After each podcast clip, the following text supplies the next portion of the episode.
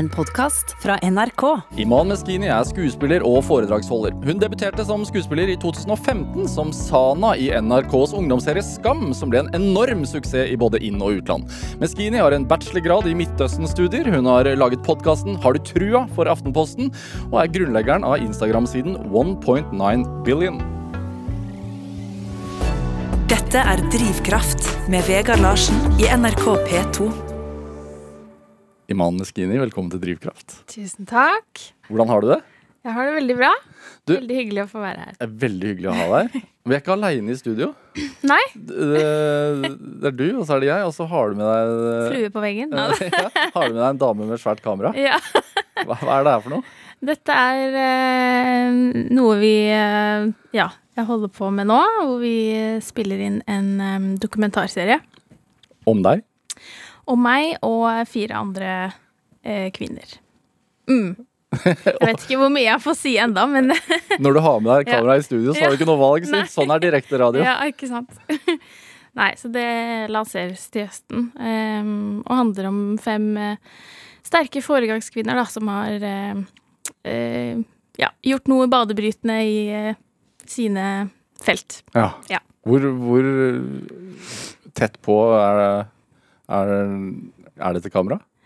Det er uh, ganske tett på, så det er på en måte litt uh, Ja, handler om å uh, Litt det samme som det vi skal snakke om i dag, da. Hvor dette engasjementet hos disse Eller hos oss fem kommer fra, da. Og ja, hva som driver oss, og hvordan vi gjør det, og hvordan eh, hverdagen vår er. Både i karriere og fritid, og med familie og venner, og ja, dekker vel eh, det meste. Hvorfor, hvorfor vil du være med på noe sånt? Eh, nei, fordi det er eh, første gang jeg gjør noe sånt. Eh, så jeg har jo vært i denne bransjen i over fem år nå. Mm. Eh, Ganske og- kort tid, faktisk. Ja. men- Ja, jo da. Så jeg har på en måte holdt meg ganske sånn ja, eh, skjermet for sånn privatliv eh, til nå. Um, og det er jo også fordi at eh, da jeg begynte i Skamp, så var jeg veldig ung. jeg var jo 17 år. Eh, så det er på en måte først nå, som 25-åring, jeg egentlig føler meg liksom Ja, kanskje klar da til å dele litt mer av mitt liv og min hverdag og Er det Men også er, og Hva tenker du at du vil si med det? Jeg tenker at f- for meg da, så er det jo eh, Vet jeg at det er mange som er veldig nysgjerrig på kanskje hvordan en muslimsk jente lever i Norge i dag. Um, så jeg spilte jo Sana, som på en måte var litt en figur hvor folk kunne bli kjent med en muslimsk jente. Uh, men det var jo fortsatt en karakter og en rolle um, med et manus. Um, så denne gangen så har på en måte folk muligheten til å egentlig bare få et innblikk i eh, at jeg også er bare en helt vanlig kvinne som eh, lever et helt vanlig liv, og tilfeldigvis også er muslim og tror på Gud og går med hijab og eh, Ja, og hvordan det utspiller seg, da. Og jeg syns at eh, religion mm, har blitt ganske tabubelagt i samfunnet vårt. Og jeg syns vi snakker litt for lite om det, og det er litt for lite rom til å på en måte tro på noe, da. Um, så det er egentlig en del av ja, min drivkraft å, å prøve å liksom normalisere det at man kan også tro på at det finnes en gud i 2022. Hvilke misoppfatninger er det der? Eh, nei, du har jo alt fra på en måte eh, forståelsen av å i det hele tatt tro på en gud generelt, eller tro på noe da, annet enn enn, eh, det Ja, det vi ikke kanskje ser eller har bevis på, som noen vil mene. Men det, at, at det er litt sånn rart, kanskje, eh, i det årstallet vi er i, og mange syns at det er litt sånn gammeldags og litt sånn eh, merkelig at noen fortsatt tror på det i dag, på en måte. Eh, men det er jo eh, Det er jo kanskje det her i Norge og i Vesten, men det er jo fortsatt sånn at de fleste menneskene på jordkloden har jo en religion, så det er jo flere som tror på noe enn de som da faktisk ikke gjør det. Men så eh, er det da noen steder hvor det er man er en minoritet, da, fordi man gjør det. Blir det som en slags sånn TV-serie av uh, den Instagram-kontoen som du uh, drifter? Den 1.9 billion?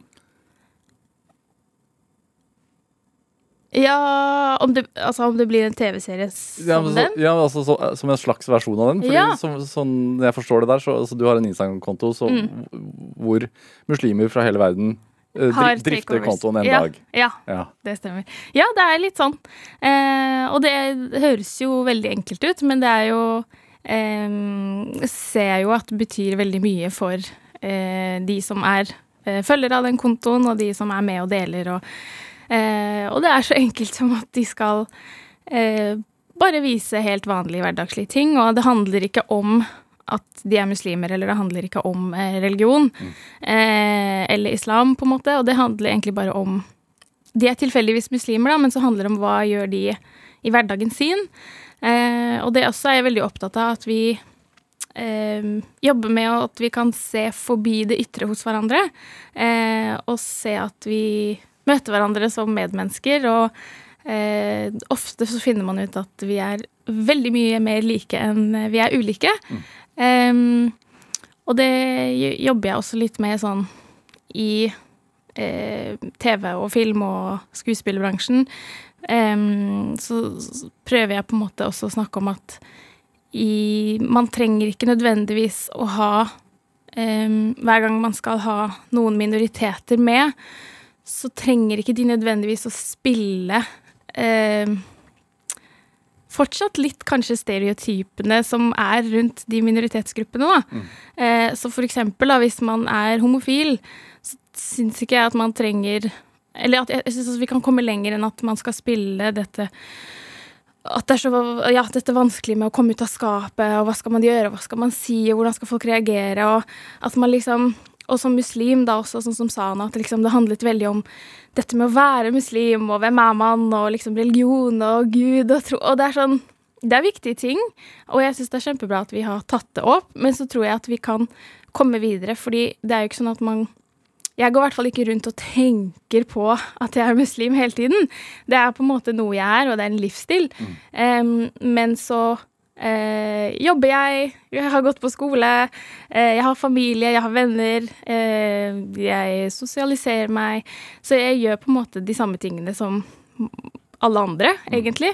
Um, Så utsetter en normalisering, rett og slett. ja, og så prøver jeg på en måte å få fram at um, Og det tror jeg også har vært litt sånn eh, For jeg har ikke spilt eh, mange roller etter Skam.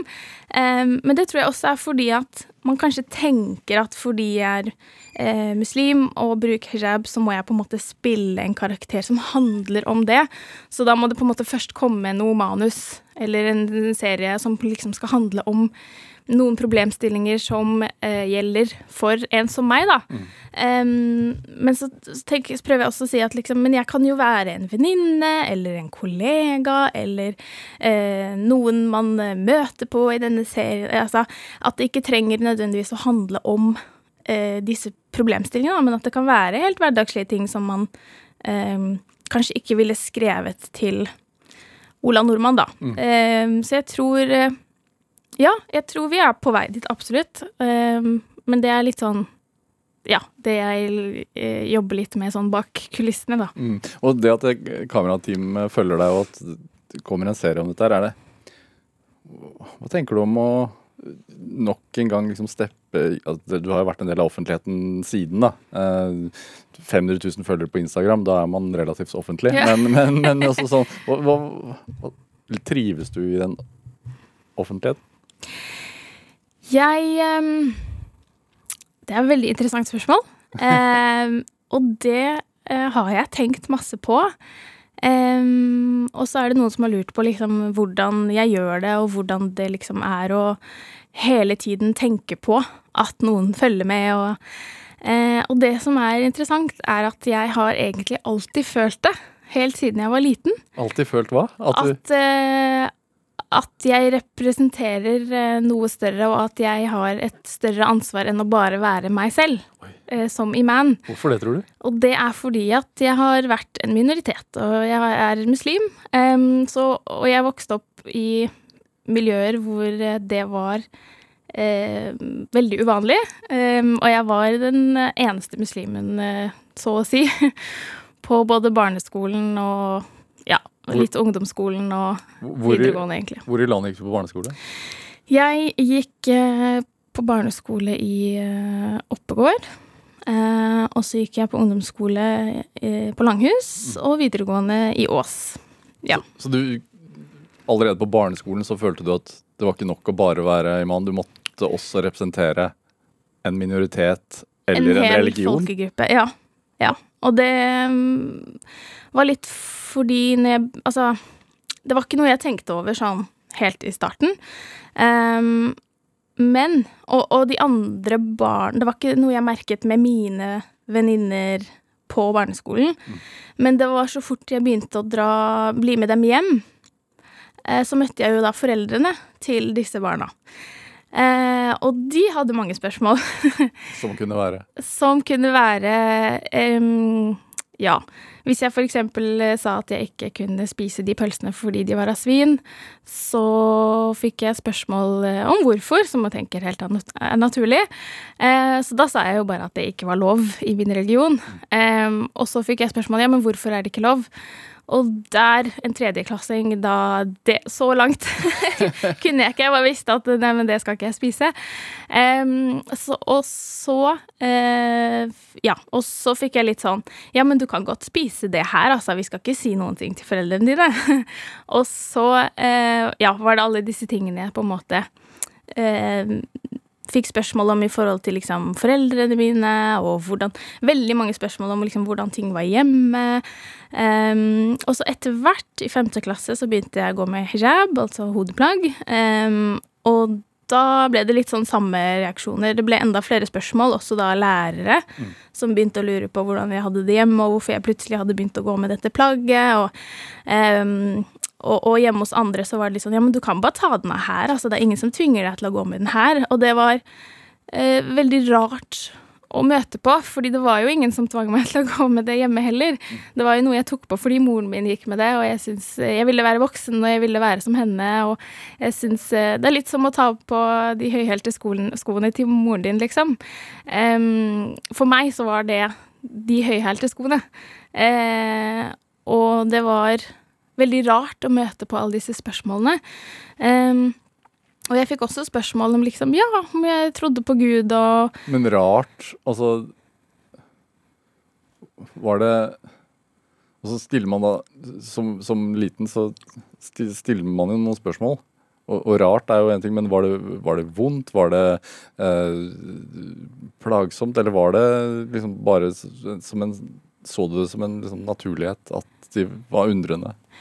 Helt i starten så var det litt rart. Ja. Fordi jeg, jeg la merke til at jeg fikk spørsmål som de andre barna ikke fikk. Mm. Um, Og man vil jo være lik Ja, andre barn. Når man er i den alderen, så vil man bare være sånn som alle andre. eh, og jeg visste på en måte eh, Jeg visste jo at det var noen ting hjemme hos meg som var litt annerledes enn hos de andre. Så for eksempel så pleide vi jo å be. Eh, vi ber jo fem ganger om dagen, og da pleide vi i familien å be sammen. Um, og det syns jeg var sånn en koselig ting vi gjorde, for da skulle altså hele familien samle seg i stua, og så skulle vi be. Og så hvis jeg hadde da med noen venninner hjem, så syntes de dette var veldig merkelig. um, så det var noen ting hvor jeg, jeg lærte veldig tidlig at ok, det er noen ting vi gjør hjemme som ikke de andre gjør hjemme. Så jeg lærte på en måte da at det var litt sånn forskjell, Um, men det var ikke noe jeg tenkte over noe mer enn det. Men med disse spørsmålene som kom, og også selvfølgelig da hvor jeg var fra, og hvilket land foreldrene mine kom fra, og om jeg eh, drar til hjemlandet mitt ofte, og hva slags mat jeg spiser hjemme. Og eh, da lærte Jeg ble på en måte lært at jeg ikke var norsk, følte jeg da. Eh, og det var jo vondt. Eh, det begynte å bli vondt etter hvert. Um, og, det, og det var litt sånn For jeg visste ikke om noe annet i min oppvekst eh, før jeg begynte å få de spørsmålene. Og da kom jo jeg hjem til mine foreldre, og så spurte jeg hvor er det vi er fra? og så sa mamma ja, men du er, vi er jo herfra, du er jo norsk. Og så sa jeg nei, men hvor er vi egentlig fra? Og så sa hun eh, ja, altså pappaen din er fra Tunisia, og jeg er herfra, fra Norge, og du er også fra Norge. Så sa jeg å ja, ok, så jeg er fra Tunisia. Og det var litt sånn fordi det var gjerne det folk spurte meg om. det var da, det de ville at du skulle svare? Ja, så da lærte jeg meg liksom hva er det de egentlig lurer på. For det var så ubehagelig å få spørsmål som jeg ikke klarte å svare på. N- Når var det du forsto at du hadde et behov for å eie det? Og ta, ta hva skal man si, styringen selv? Øh, ja, det var kanskje på på ungdomsskolen, tror jeg. Hva skjedde da? Ehm, nei, jeg ble eldre. og ehm, Og så følte jeg at jeg uh, Og da også hadde jeg rukket å på en måte finne meg et miljø i Oslo også som eh, Hvor jeg møtte flere muslimer. Eh, for det var ikke så mange hos, det, der hvor jeg vokste opp, da. Eh, og da lærte jeg litt sånn at å ja, jeg er liksom ikke den eneste. Jeg er ikke alene. Og da fant jeg litt trøst i det. At det var flere som meg. Eh, og det også kom jo av at eh, Det er derfor jeg også syns representasjon er kjempeviktig. På nettopp TV, film, blader, hva enn som er. At vi ser et mangfold. Fordi mange steder der ute så sitter det små barn som kanskje tenker at de er de eneste, eller føler seg alene i det. Um, men så føler jeg jo at vi er kommet mye lenger i dag, da, at barn kan se seg selv, eller en versjon av seg selv på TV og tenke at å, der er det noen som ligner på meg. Um, og det er liksom greit, eller det er kult, det er vakkert. Em, så det var på en måte Jeg måtte liksom selv finne det miljøet og finne andre som var sånn som meg, da. Og da lærte jeg Det har jo vært en lang prosess etter det også, men det var litt sånn starten på å liksom begynne å kanskje eie det, da. Um, og så har jeg jo hatt uh, det jeg kaller for identitetskriser. Når var det? ah, det har vært mange ganger. ja, det, Når var det senest? Eh, senest var eh, etter å ha spilt Sana. Det var nok den eh, siste. Hvorfor skapte det en ident identitetskrise? Fordi jeg em, Det var jo første gang jeg gjorde noe skuespill, eh, og hadde ingen erfaring med det. Em, og ikke hadde jeg tatt noe form for utdanning eller kurs i det heller. Eh, så det var jo Og det har jeg jo lært i ettertid, at det fins veldig mange teknikker som brukes når du skal spille skuespill, um, som jeg ikke kunne. Så, så, sånn som det å gå på innspilling da, uh, ofte, og så sitter du kanskje i en scene i fem timer og spiller den samme scenen om igjen og om igjen og om igjen og om igjen. Og hvis ikke du da har lært deg de teknikkene, så begynner Det var veldig, veldig merkelig følelse, men til slutt så begynte hjernen min å tro på det jeg spilte. Um, og det, er, jeg det er en teknikk fra regissørens side. Slite ut skuespilleren såpass mye at de glemmer at de spiller. Ja. ja, det ble til slutt veldig ekte. Så, så når jeg eh, dro hjem fra innspilling, eh, så hadde jeg med meg Sana hjem, følte jeg. Eller har jeg liksom innsett i ettertid, da. Eh, og jeg spilte jo en veldig mm, mørk og dyster karakter, i hvert fall sånn de første sesongene. Eh, og det følte jeg var veldig fjernt fra meg, men så følte jeg at jeg nesten ble litt sånn deprimert egentlig av å spille Sana. Eh, nettopp fordi jeg ikke hadde de teknikkene til å skru av Sanaen før du går hjem fra jobb. Og at det er en, en karakter, da. Så jeg eh, følte at jeg tok lite med meg de følelsene hjem, og jeg, og jeg visste ikke hvorfor. Fordi jeg kunne komme på innspilling i godt humør, og så dro jeg hjem og var liksom helt sånn utslitt og nesten på gråten av masse følelser som jeg egentlig bare hadde spilt. Hvilke tanker kunne det skape, da? Eh, jeg spilte jo Noen ting var jo eh, Vekte jo Kunne jeg jo kjenne meg selv igjen i. Eh, sånn som dette med å eh, ja, gå på en skole hvor du er den eneste muslimen, og, og disse fordommene kanskje som du møter på. em, som jeg hadde tenkt at jeg var helt ferdig med og over og, og, sånn. Og så, og så ved å sitte da i den scenen og eh, spille det i fem timer, var nesten litt som å gjenoppleve eh, Gjenoppleve det på nytt. Eh, og det er veldig rart, for da dro jeg hjem, og så føltes det ut som om jeg hadde liksom vært gjennom det en gang til. Um, som sikkert sånn i ettertid har vært bra, en form for rar terapi eller noe sånt. Um, men ja, så jeg lærte utrolig mye om meg selv. Eh, og etter Skam så hadde jeg sånn sykt behov for å liksom skille meg fra Sana. Em, og sikkert fordi jeg da sleit litt selv med sånn Ok, men hvem er jeg som Iman? og hvem er Sana som karakter? Og også hvem er man som menneske når man er 19 år Ja. eller 17 år? Eller, Ja, det også. Eh, så da liksom kompenserte jeg veldig med å gå Jeg gikk liksom aldri, Jeg tror ikke jeg gikk i svart på to år, eller noe sånt. For jeg var sånn Jeg er ikke Sana. Og hvis noen ropte Sana, så var jeg sånn Jeg heter ikke Sana. så jeg hadde veldig sånn behov for å liksom Det er ikke meg. Eh, og jeg heter jo Sana i to år etterpå, eller et eller annet sånt. Ja, så, Så- altså folk kalte deg det? Ja, ja, det hvordan, var liksom- hvordan er det i dag? Nå eh, Nei, nå Jeg husker første gang jeg faktisk ble stoppet på gata, og noen spurte sp Noen spurte Hei, er du Iman Meskini? Og så var jeg sånn, og jeg snudde meg og ga den personen min fulle oppmerksomhet. Og var sånn Ja! Det er jeg! så det, det husker jeg var et stort øyeblikk. Og etter det så har jeg merket at det er flere som spør om jeg er Iman Meskini, da, og ikke Sana fra Skam. Eh, så det syns jeg er kjempekult. Kjempehyggelig at jeg liksom har klart å eh, få, få mitt eget navn eh, ut av det, da. Ja. Det er fem år siden serien var ferdig. Ja. Eh, det det er jo ikke en overdrivelse å si at den ble ganske svær. Nei. altså enorm. Ja. Eh, folk busset til skolen den ble spilt inn på for å Ja.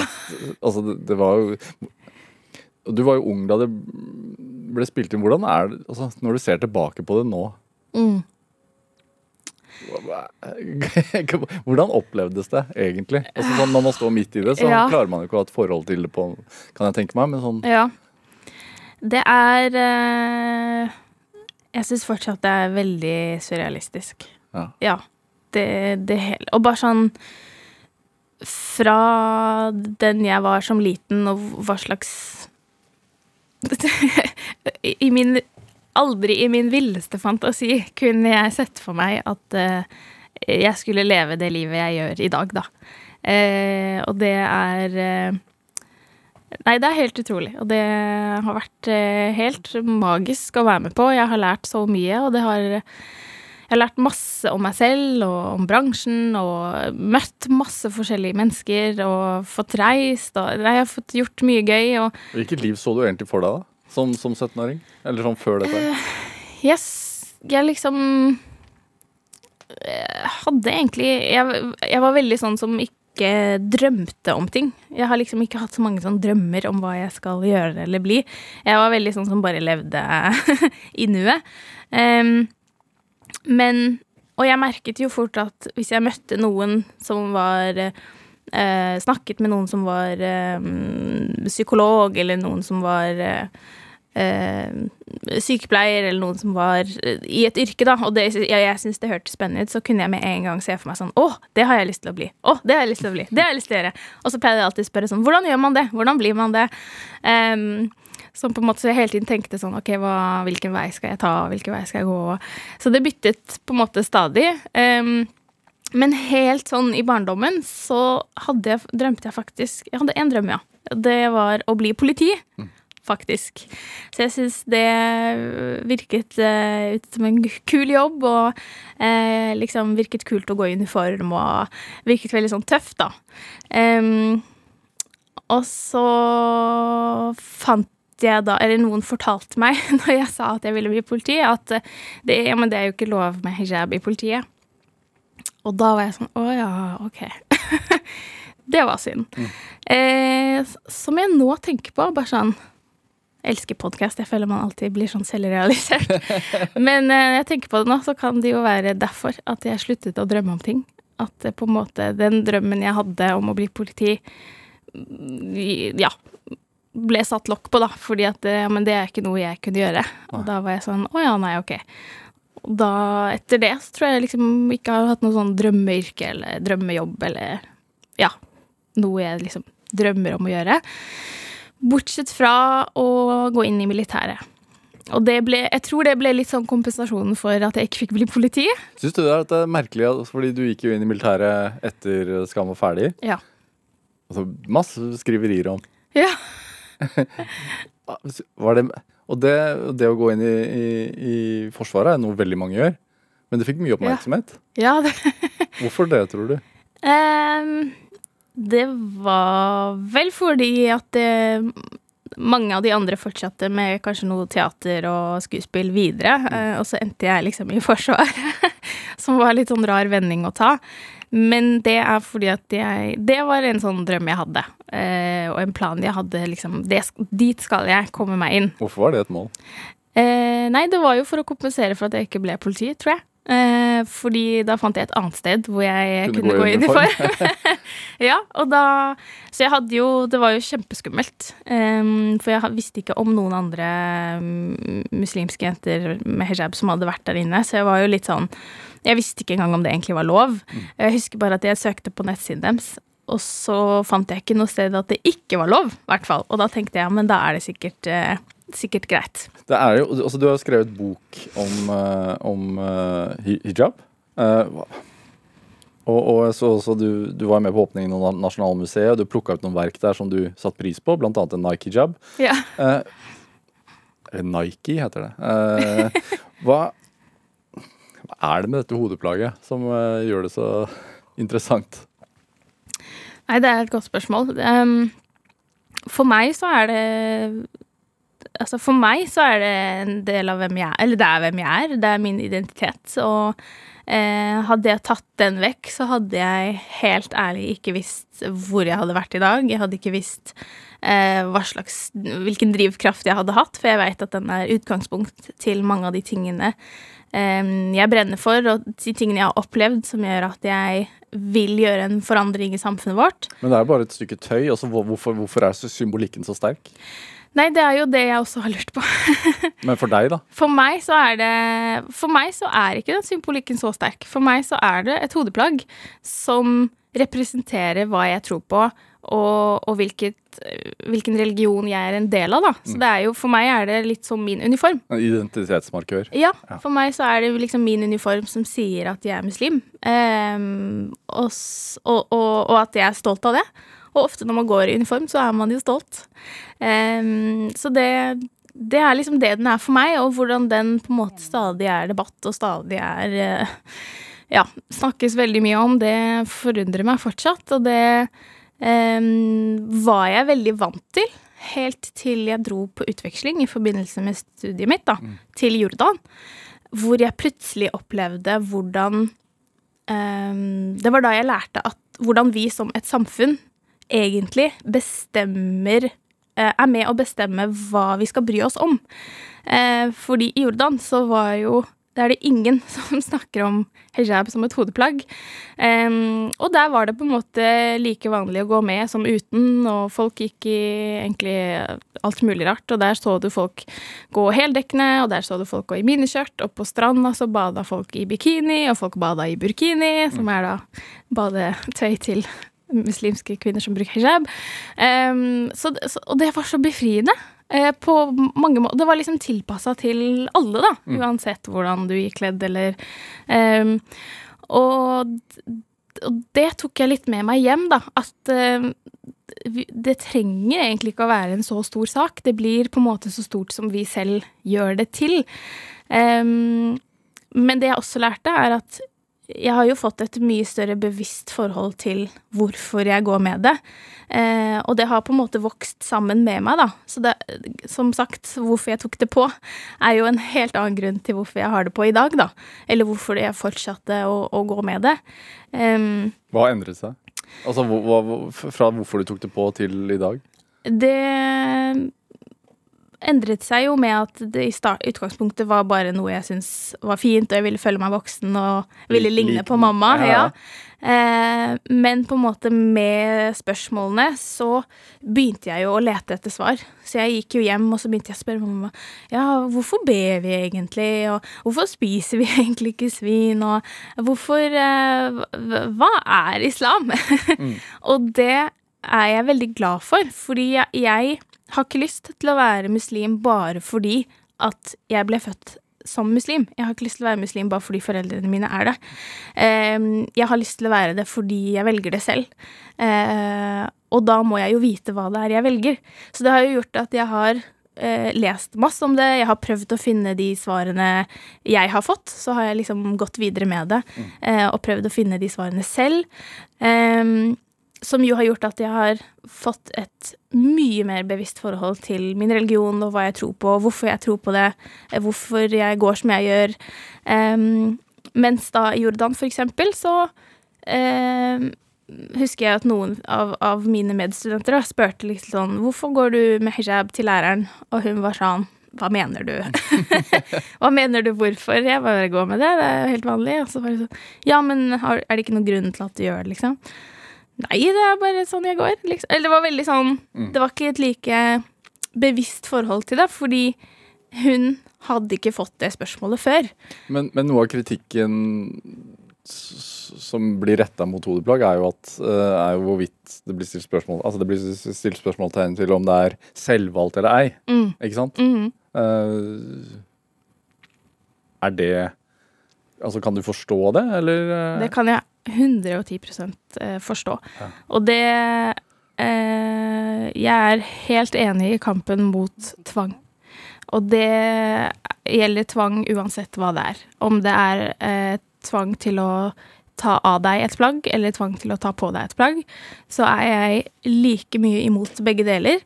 Um, som er derfor jeg eh, synes det er eh, synd med land som tvinger eh, sin befolkning til å gå med det. Eh, og så synes jeg det er synd med land som tvinger sin befolkning til å ta det av. Og det ser vi jo at begge deler fins i dag. I, ja, og lever vi fortsatt. Em, så, så kampen mot tvang er jeg absolutt med på. Em, men jeg Folk kan bli tvunget til mye forskjellig. Em, men det trenger ikke å bety at vi skal tenke at alle blir det, eller alle gjør det. Eh, fordi det tar fra meg retten til å få lov eh, å følge norske lover, som er at jeg skal få lov å gå med hva jeg vil, og ha på meg det jeg har lyst til, og dekke så mye jeg vil av min kropp hvis jeg har lyst til det. Em, så lenge det ikke selvfølgelig plager noen andre.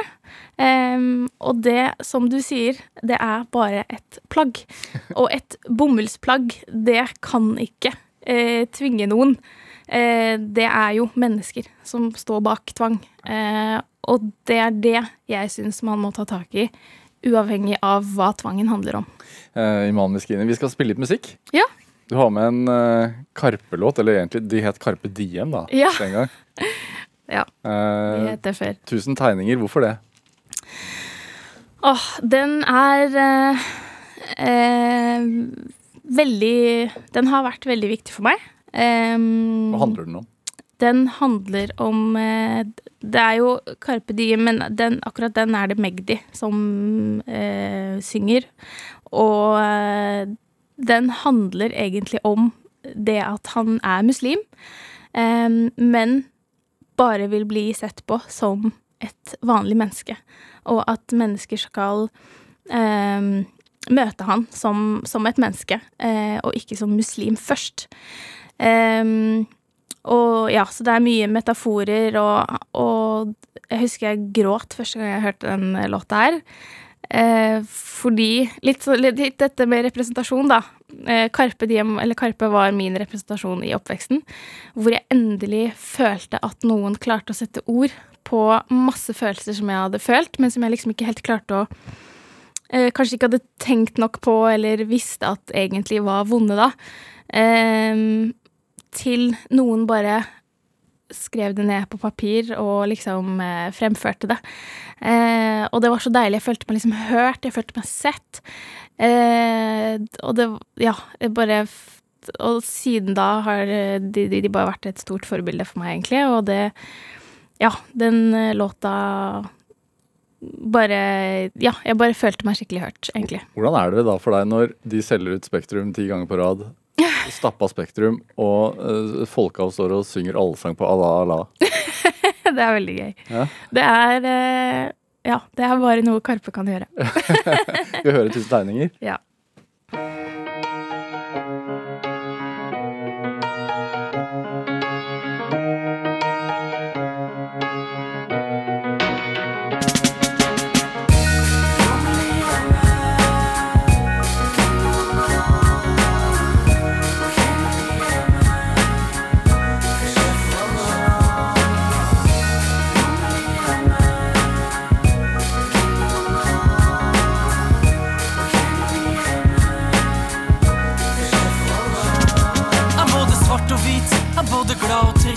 Så på passet mitt og kasta blikk og traff meg.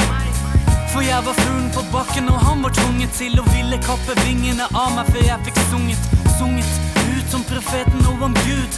Alle disse temaene som ellers er tabu. Du Tør du å si du ber i smug når du veit at mange av dine ville sett på deg som sjuk? For det er sjukt dette må si at Gud setter oss fri. Jeg utsetter å si at du ser på en muslim.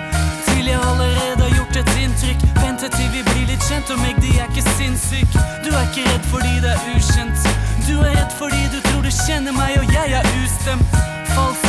Du må stemme meg fin for at jeg er hyggelig, jeg selv om en det er ikke fordi jeg er muslim.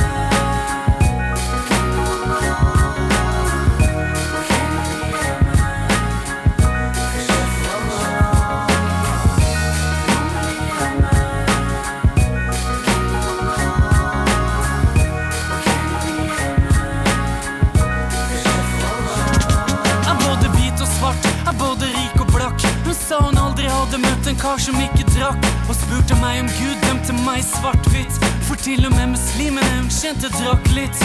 Men brorskap er ikke lenger mellom de som tror på det samme. Har en bror som er hindu, og det handler om å godta at andre har en mor som og kanskje en far som lærte dem noe annet om livet som at himmelen er et mål, livet kanskje er casting. Har ikke masse svin på skogen, men jeg har masse marsvin. Og et marsvin er hodepine og aspirin. og hvis det får oss til å gjøre gode ting, så hva synes du om å la meg tro på Gud og sånn? Aner du hvor mange som har spurt meg det du spurte om? Lurte på hvorfor jeg ikke tar de valga de tar. Du kan ikke gi Gud, så bare gi faen. Gi faen.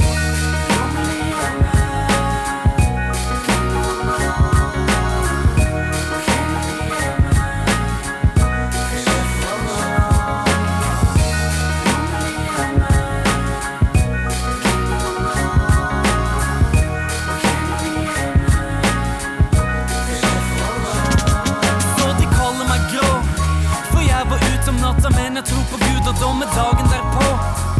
Få venner veit om bønneteppet mitt Og pappa har ikke sett de feil av sønnen hans begikk Så jeg takker Gud med nakken talsmann. Takk en drink, takke dop, takke avstand Og takke spørsmål. Når du bruker feil finger For ett ord sier mer enn tusen tegninger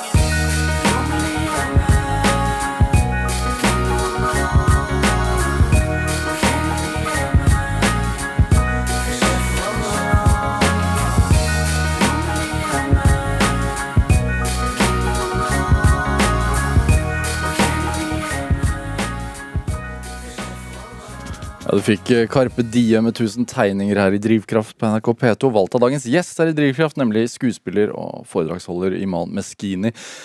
Det er ikke så lenge siden du fikk en ganske sånn overraskende nyhet uh, i postkassa, holdt jeg på å si. Jeg vet ikke det, altså, du det amerikanske magasinet Forbes uh, hadde, seg, hadde deg på sin liste eh, hva skal man si da, for å gjøre dette forståelig. De har en liste eh, 30 under 30, eh, og du ble utropt til en av de 30 mest innflytelsesrike unge menneskene under 30 år i Europa innenfor kategorien sosial innflytelse. Ja. Eh, lang forklaring. Ja. Men ganske gjev liste å havne på. ja. Hvordan fikk du vite det? Det fikk jeg vite via en mail som kom eh, en morgen. Og eh, det er fortsatt helt sykt å tenke på. Hvorfor er det det? Hva, hvorfor henger det så høyt, tenker du? Eh, det er jo en utrolig anerkjennelse å få. Eh, og enda kulere er å få det for eh, For det engasjementet jeg har og, og brenner for. Og eh, det er ikke noe jeg eh, Altså ytre meg om for å få en anerkjennelse, men eh, da det først kom, så føltes det veldig godt. Hva, hva,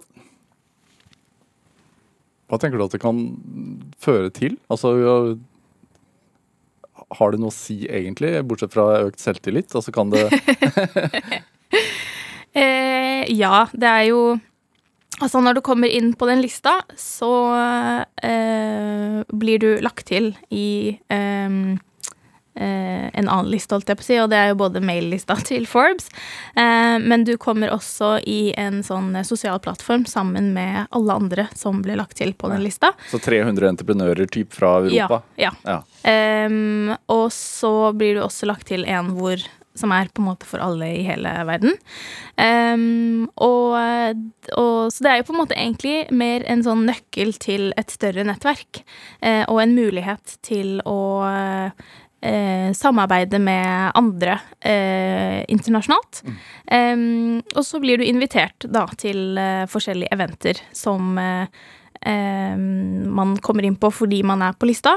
Eh, hvor man får møtt disse andre som er, er der, og eh, ja, og de tilbyr masse Altså det kommer foredragsholdere, og det er mye opplegg, da, for, eh, for egentlig å bare utvikle disse eh, ja, unge videre.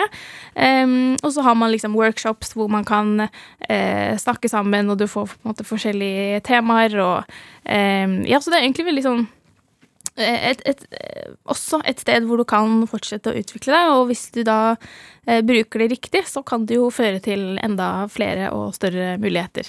Mm. Er det altså Sosial innflytelse hva, hva betyr det for deg egentlig å ha det? For du har jo ganske stor sosial innflytelse fått. Ja. det betyr utrolig mye.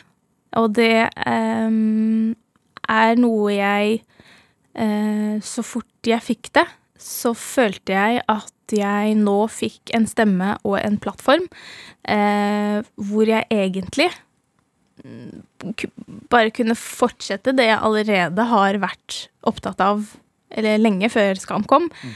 Um, og egentlig bare fortsette å, å, snakke om det bare til mange flere. Ja, for du var en del av Agenda X, altså antirasistisk ja. ungdom og, mm. og og, ja. brant jo, hadde et brennende engasjement for dette her, da? Ja, jeg hadde det. Og det, det um, har også vært i Røde Kors. Og har på en måte Så jeg har jo um, Ja. Og da Jeg så at ikke alle Altså, i teorien så har vi alle sammen uh, de samme rettighetene. Uh, og um, uh, teorien skal ha samme muligheter. men jeg så da at uh, i praksis så er det ikke sånn for alle. Um, og uh, da ble det viktig for meg å på en måte bli med uh, i den endringen i samfunnet vårt. Mm. Um, både til å opplyse om at hei, det er faktisk ikke sånn det er for alle, um, men også prøve å være med og å, bygge broer og liksom gjennom kommunikasjon og dialog, tror jeg på, da, så kan vi um, for det første vite at det er sånn, men også lære hva det innebærer. Og dermed lære hva vi kan gjøre for å hjelpe hverandre, og for å gjøre samfunnet vårt et eh, hyggeligere sted å være for alle. Um, og at vi blir flinkere til å ja, se eh, enkeltmennesker, og hvordan vi kan være et samfunn som er tilrettelagt for at alle skal få de samme mulighetene, da. Mm. Uh, men folk har jo forskjellig utgangspunkt, som gjør at man kanskje må uh, tenke litt annerledes eller nytt til noen. Sett tilbake, hva var ditt utgangspunkt? Sånn helt tilbake. Eh, mitt utgangspunkt var en Ja to foreldre som eh, allerede der Altså, moren min er jo etnisk norsk, som det heter, eh, mens faren min kom jo fra Tunisia. Um, er det problematisk, Syns du det er problematisk at, at, at, man bruker ord som etnisk norsk? Eh, jeg vet ikke. Jeg syns det er eh, Det er jo med på å fortsette å skape et skille, syns jeg. Mm. Um, men så lenge man på en måte ja, snakker om det sånn, så, så, det er jo det begrepet som brukes. um, så, men jeg tror vi beveger oss mot en sånn OK, men hva er egentlig det å være norsk i dag? Mm. Og det tror jeg eh, kanskje er bra, sånn at vi på en måte kan uh, redefinere hva det vil si, da. Um, og at det kan være nye ting som gjelder for alle sammen, uansett hvordan vi ser ut eller er, eller um, For vi blir jo et mer mangfoldig samfunn. Mm. Både på innsiden og utsiden. Um, så det tror jeg er bra. Uh, så mitt utgangspunkt var jo allerede Ja, hva skal man si? En fot innenfor to kulturer og uh, ja, moren min jo Hun er jo konvertitt, så hun har jo konvertert jo til islam for over 30 år siden. Mm. Um, så det var jo også en unik ting jeg hadde med meg. For mange er jo oppvokst Når de er halvt-halvt, så er de kanskje oppvokst i også to forskjellige religioner eller to forskjellige trosretninger. Um, og det jeg syns har vært veldig interessant, som jeg tror har vært veldig, veldig, veldig viktig for meg i det å forstå uh, hvor jeg kommer fra, er eh, faren min, som eh, er muslim, men som har en annen kulturell bakgrunn enn min mor, som eh, for det første valgte islam, mm. som er noe annet enn å bli født inn i det, men som også da hadde en annen kulturell bagasje enn pappa, og hvordan de to, bare fordi de var fra to forskjellige steder, tolket da religionen eh, forskjellig. Så faren min hadde jo mange ting som han tenkte var en del av islam, men som kanskje mer var en kulturell ting som han hadde lært i oppveksten. Som for eksempel? Um, som for eksempel Ja, nå kommer jeg ikke på noe nå, men, men jeg husker bare at det var Eller det var mer at han ikke hadde den forståelsen for hvor ting kom fra eller hvorfor ting var som de var. Mm. Eh, for hans foreldre igjen, altså mine besteforeldre, de eh, var jo analfabeter. Og de lærte jo eh, hva islam var av sine foreldre igjen, og så lærte de det videre til sine barn igjen, som da var min far. Eh, og så tror jeg mange kanskje bare tar med seg en del ting som også kanskje krasjer litt, eller er kulturelle, da. Mm. Um, og da, hvis jeg for eksempel hvis jeg gikk til pappa og spurte eh, hvorfor eh, ber vi fem ganger om dagen, eller hvor, hvorfor gjør vi det, liksom? Um, så sa han bare nei, det er fordi vi er muslimer. Punktum. og det var sikkert det han fikk høre, ikke sant? Mens hvis jeg gikk til mamma og spurte det spørsmålet Hun brukte aldri fordi vi er muslimer, eller fordi islam sier det. Um, så hun hadde jo da gjerne fordi hun da skulle velge denne religionen, så måtte hun jo vite hva hun gikk til. Så når hun tenkte på bønn, så sa hun Vet du hva, det er sånn at vi gjennom dagen hele tiden skal huske på Gud. Eh, og huske eh, hvorfor vi lever, og hva som er på en måte de viktige tingene i livet. Eh, og så sa hun når du blir eldre, så kommer du til å merke at eh, dagene går fort. Og da er det veldig deilig å ta seg fem minutter eh, til å bare puste ut og be og tenke på hva som er viktig. Mm. Jeg så i går på Instagram at du la ut en video at du lå ut en kornåker. Ja. Eh, på Blaker eller noe sånt. Ja, eh, det stemmer. Hva tenkte du på da? Vet du hva? Det å flytte til Blaker, som er det er veldig mange fra Oslo er sånn Hva? Hvor er det? Blaker er uh, i retning Kongsvinger, ved Sørumsand. Uh, og det er uh, Ja, jeg har flytta på landet. Ut på landet, og der bor jeg nå. Og det er utrolig deilig. Jeg syns det er veldig beroligende, og jeg syns det er Jeg får sånn sjelefred når jeg liksom kommer ut på Blaker der og ser åkrene, og, og faktisk så eh, føler jeg meg mye nærmere Gud og mye mer spirituell eh, når jeg er i naturlige omgivelser. Fordi jeg tenker jo da at dette er skapt av Gud, og det er dette som er perfekt, og dette som er vakkert, og det er her vi som mennesker hører til. Eh, og jeg tror det er derfor også vi har liksom et sånt instinkt i oss som elsker liksom natur og komme oss litt ut i naturen. Um, er, det er, det det, men altså, er det det religionen er for deg? Altså, er det det troen er for deg? Du den freden, den roen? Ja, det er det. 100 ah. Det er eh, det, det, er der jeg finner styrke.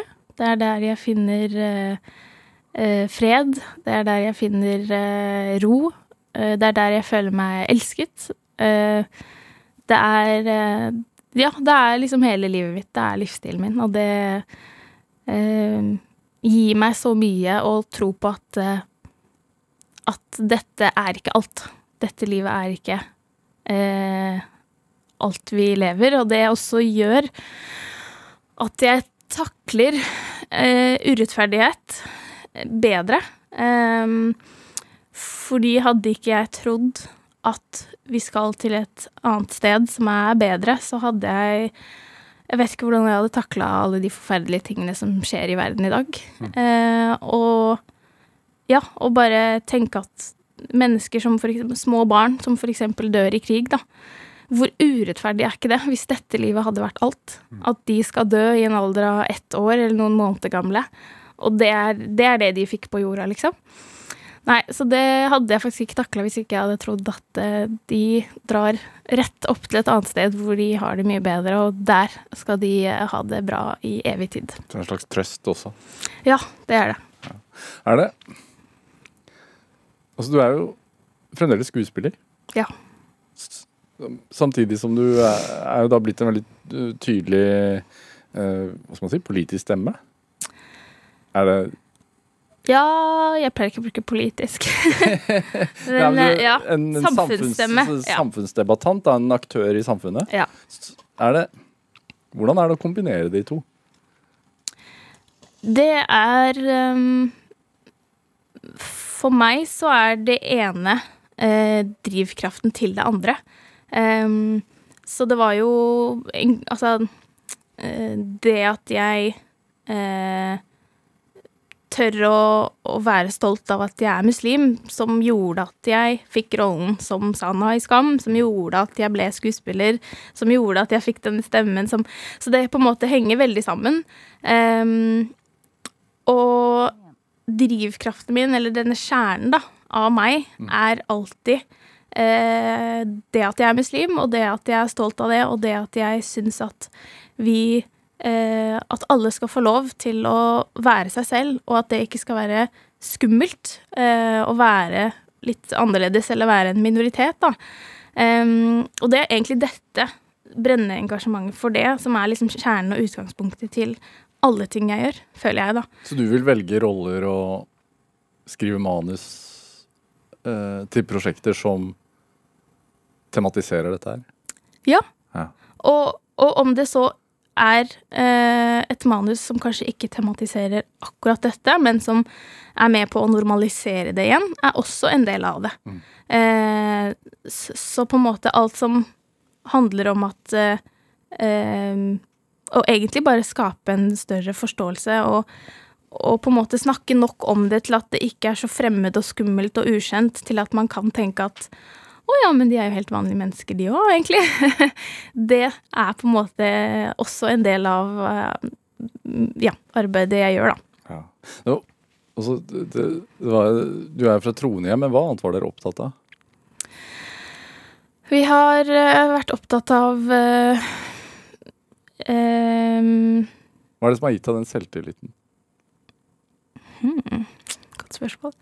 Det er vel egentlig å um, at jeg var den, altså den som var litt annerledes i oppveksten. Ja, men For mange kan det slå motsatt vei, da? Ja, det kan det jo. Eh, men det er jo også Ja, det, da må jeg si at det er eh, min mor. det Hun har eh, vært, eh, og er, et stort forbilde for meg. Og har gitt meg mange gode råd opp igjennom. og et av de beste hun ga meg, i eh, hvert fall sånn før Skam, for da var jeg også veldig sånn Det var veldig skummelt å gå på audition, og hva om jeg fikk rollen, og hva om jeg ikke fikk den, og det var liksom eh, Ja, mye som skjedde inni meg da, og, og eh, da husker jeg at hun sa at Men vet du hva? Så lenge du har din familie og dine venner og dine nærmeste eh, som kjenner deg, mm. og som veit hvem du er, og som er glad i deg for den du er som person, så trenger du ingen andre. Og da trenger du heller ikke å bry deg om hva de måtte mene eller si, eller um, ja, kanskje si til deg òg, da. Um, og det har vært så utrolig nyttig uh, å ta med meg videre. Uh, og det er egentlig det som har gjort at jeg tør. Mm. At jeg tør å snakke om noe som er eh, litt tabu, eller at jeg tør å gå med hijab, eller at jeg tør å være meg selv, da. Eh, det er rett og slett fordi at eh, de menneskene som kjenner meg og er glad i meg, de det er jo de jeg skal være med, og det er de som jeg har i, i min hverdag og mitt liv. Eh, og alle andre kan jo egentlig mene hva de vil, men det trenger ikke å spille noen rolle i mitt personlige liv, da. Eh, og når man er offentlig person, så får man jo mye forskjellig, og man får jo meninger slengt i fleisen. Og da har det vært utrolig viktig for å egentlig bare holde meg eh, i gang, og, og, ikke gi opp, da. Helt til slutt der, eh, Iman Miskini, du har vært innom det flere ganger også, men hva tenker du er din drivkraft? Ja. det store spørsmålet. Um, det er uh, vanskelig å liksom svare én ting på, men det er um, uh, Det er Det er jo min religion som er min drivkraft, Eh, men det er så mye mer enn det. Det er jo også kjærlighet, medmenneskelighet, troen og håpet på at vi en dag kan være et samfunn hvor alle kan være seg selv, og at selv om vi er uenige med hverandre, så blir det fortsatt respektert. Iman Meskini, tusen takk for at du kom hit. Takk for at jeg fikk komme. Hør eh, flere samtaler i Drivkraft på nrk.no eller i appen NRK Radio. Produsent i dag var Ellen Foss Sørensen, og Olav Tessem Widsvang gjorde research til denne sendingen. Dette var Drivkraft. Jeg heter Vegard Larsen. Vi høres. En podkast fra NRK. Hei, jeg heter Torfinn Borchhus. Gal og genial er historier om vitenskapens største og gærneste genier. Eksempel Nicola Tesla, som syntes det ekleste i hele verden var øredobber og hår, men som sørga for at du har strøm i stikkontakta di i dag. Gal og genial hører du først i appen NRK Radio.